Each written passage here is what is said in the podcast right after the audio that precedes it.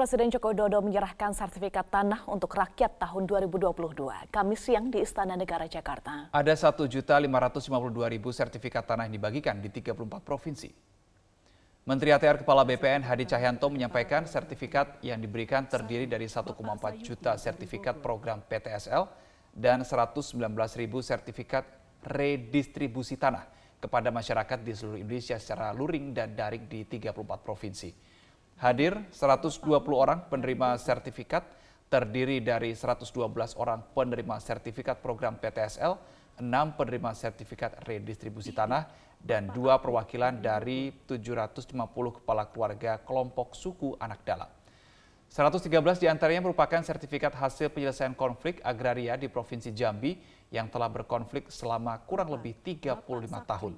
Dari total perkiraan 126 juta bidang tanah di seluruh Indonesia, Kementerian ATR BPN telah berhasil mendaftarkan sebanyak 100,14 juta bidang tanah, di mana 82,5 juta di antaranya telah bersertifikat. Untuk mencapai target seluruh bidang tanah terdaftar pada tahun 2025, sisa 26 25,86 juta bidang tanah akan diselesaikan selama tiga tahun ke depan. Presiden berpesan sertifikat tanah yang sudah didapat agar dijaga dengan baik Presiden juga meminta Hadi untuk memberantas mafia tanah. Yang hari ini saya uh, senang karena satu juta lima ratus lima puluh dua ribu sertifikat dibagikan di 34 provinsi.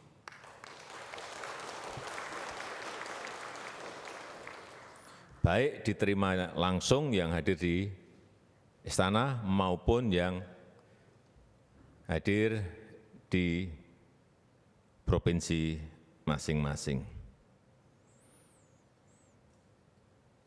Dan saya minta yang sudah menerima sertifikatnya agar diangkat tinggi-tinggi, baik yang di istana maupun yang hadir secara virtual sertifikatnya diangkat biar kelihatan bahwa memang sudah diterima betul. Dinas Pendidikan Provinsi DKI Jakarta terima hibah dalam bentuk buku digital yang diberikan oleh Universitas Negeri Jakarta untuk seribu sekolah di DKI Jakarta.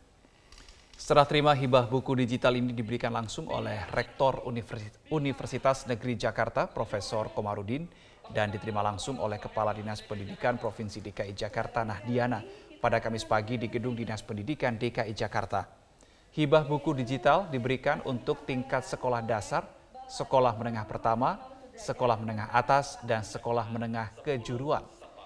Tidak hanya buku digital, pemirsa, platform yang dihibahkan Universitas Negeri Jakarta tersebut juga berisi training optimalisasi digital interaktif, bank soal, hingga aplikasi Pesona Edu dan LCMS. Aktivitas di dalam platform tersebut dapat dipantau langsung oleh admin secara digital hingga memonitor perkembangan pembaca dan peningkatan mutu pembaca. Pesona Edu, bisa ceritain lagi tuh prestasinya Pesona Edu. Penghargaan yang didapat tentu sudah banyak sekali Bapak Ibu, dari dalam negeri maupun dari pendidikan Singapura. Mendekati dua pekan bencana Cianjur, tim Media Group berkolaborasi dengan Pangan Sari Utama membagikan sembako bagi para pengungsi yang menjadi korban gempa bumi berkekuatan 5,6. Tim Media Group dengan menggunakan kendaraan roda 4 menyisir ke lokasi yang menjadi titik kumpul para pengungsi untuk menyalurkan bantuan sosial melalui posko-posko pengungsian. Pembagian bantuan ini menjadi wujud kepedulian media grup serta pangan sehari utama untuk para korban gempa di Desa Sukamanah, Kecamatan Cugenang, Cianjur, Jawa Barat. Menurut salah satu anggota tim Dompet Kemanusiaan, Sugiarto, bantuan yang disalurkan berupa sembako, makanan siap saji, pakaian, susu, beras, obat-obatan, popok, dan kebutuhan lain yang diperlukan.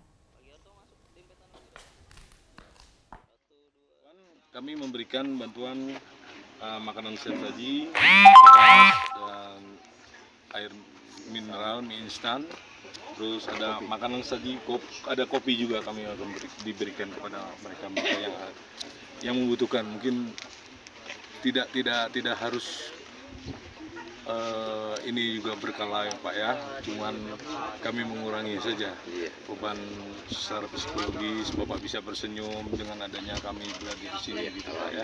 Oh, Oke. Pemirsa tiga perguruan tinggi di Jawa Timur meraih penghargaan Lembaga Layanan Pendidikan Tinggi dalam ajang Anugerah Kampus Unggulan 2022. Ketiganya aktif dalam mencetak sumber daya manusia unggul menuju Indonesia Emas 2045 melalui program Online Scholarship Competition atau OSC selama lima tahun berturut-turut. Penganugerahan penghargaan ini digelar Lembaga Layanan Pendidikan Tinggi Wilayah 7 Jawa Timur di salah satu hotel di Kota Malang. Ketiga perguruan tinggi itu yakni Universitas Gajayana Malang di peringkat pertama, Universitas Islam Malang di peringkat kedua, dan Universitas Katolik Widya Mandala Surabaya di posisi ketiga. Sejak tahun 2017 lalu, ketiga kampus ini berperan aktif memberikan pelayanan terbaik dalam usahanya mencetak individu unggul. Salah satunya dengan pemberian beasiswa penuh bagi mahasiswa berprestasi melalui program Online Scholarship Competition. OSC sendiri merupakan kompetisi beasiswa online pertama di Indonesia yang dimulai tahun 2015 oleh Surya Edukasi Bangsa Foundation Bersama dengan medcom.id, OSC hadir memberikan kemudahan bagi putra-putri terbaik tanah air yang ingin melanjutkan pendidikan hingga jenjang S1 dan S2 dengan beasiswa di universitas favorit tanah air. Kami memberikan apresiasi kepada kampus yang telah memberikan uh, apa ya untuk SDM di Indonesia emas nanti bisa terwujud melalui beasiswa online scholarship competition bagi kampus yang melaksanakan dengan indikator lima tahun berturut-turut kami berikan apresiasi yaitu berupa award karena peduli terhadap pendidikan di Indonesia dan peduli terhadap anak bangsa untuk mencerdaskan anak bangsa yang berkolaborasi uh, perguruan tinggi tersebut dengan medcom.id. Setelah berjalan selama kurang lebih satu bulan pada pertandingan final yang disiarkan pada hari Senin 24 Oktober 2022, Office Battle telah mendapatkan pemenangnya. Office Battle merupakan kompetisi antar kantor terbesar di Indonesia yang disiarkan secara serentak di jaringan Radio Delta, Radio Bahana, dan Radio Female. Office Battle musim perdana menghadirkan keseruan kompetisi antar berbagai bank ternama dari kota-kota besar yang ada di Indonesia seperti Jakarta, Surabaya, Medan, Semarang, Yogyakarta, Bandung, Makassar, dan Manado. Office Battle musim selanjutnya akan berlanjut dalam waktu dekat melibatkan kantor-kantor ternama se-Indonesia dari kategori industri lainnya. News BTPN Jakarta melaju ke babak final dan akan bertanding melawan BCA Syariah Jakarta. Menanggapi instruksi Presiden dalam membantu ketahanan pangan pasca pandemi COVID-19, TNI Angkatan Darat turun langsung untuk memberikan bantuan berupa paket sembako kepada ribuan warga di pelosok Tangerang. Tidak hanya itu, TNI Angkatan Darat juga melakukan percepatan dan pencegahan stunting pada anak-anak.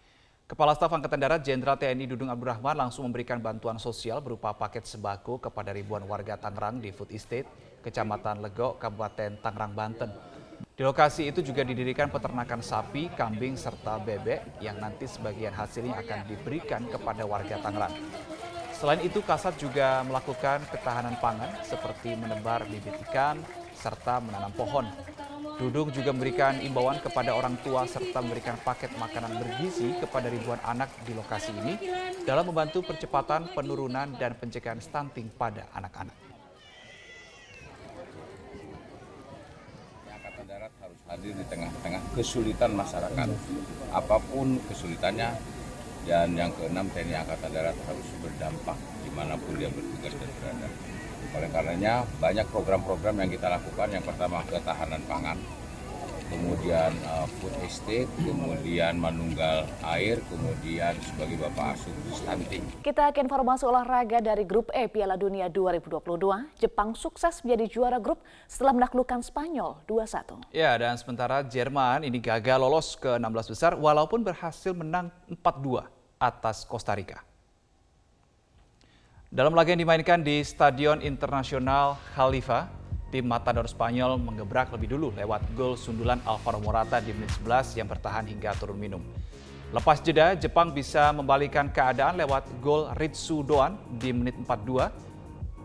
Juga sontekan Awo Tanaka 3 menit kemudian.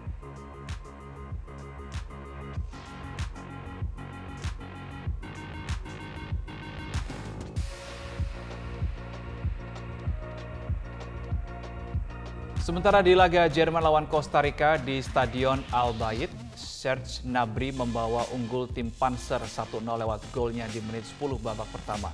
Di babak kedua, Costa Rica sempat unggul lewat gol Yeltsin Tejeda menit 58 dan gol bunuh diri Manuel Neuer pada menit 70. Jerman membalas melalui gol-gol dari Kai Havertz di menit 73 dan 85 serta Niklas Fulkrug jelang akhir laga. Prancis mengajukan keluhan ke FIFA atas gol Griezmann ke gawang Tunisia yang dianulir. Tim berjuluk berjuluk Les Blue itu menilai keputusan wasit menganulir gol salah.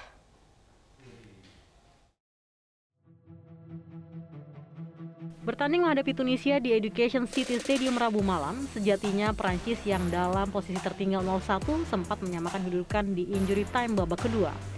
Namun gol yang dicetak Antoine Griezmann akhirnya dianulir wasit Michael Konger usai mengecek VAR. Pemain Atletico Madrid itu dinilai berada dalam posisi offside saat Aurelien Tchouameni mengirim umpan ke kotak penalti. Menyikapi keputusan tersebut, Federasi Sepak Bola Prancis (FFF) meyakini wasit dan VAR melakukan kesalahan oleh karena itu, mereka mengajukan keluhan ke FIFA. FFF sendiri sudah mengirim pernyataan mereka ke FIFA agar mengembalikan gol Griezmann dan memberi Prancis hasil seri 1-1. Andai keluhan itu dikabulkan, maka perolehan poin Prancis dan Tunisia di grup D akan berubah, meski tidak mempengaruhi posisi akhir negara-negara di grup tersebut.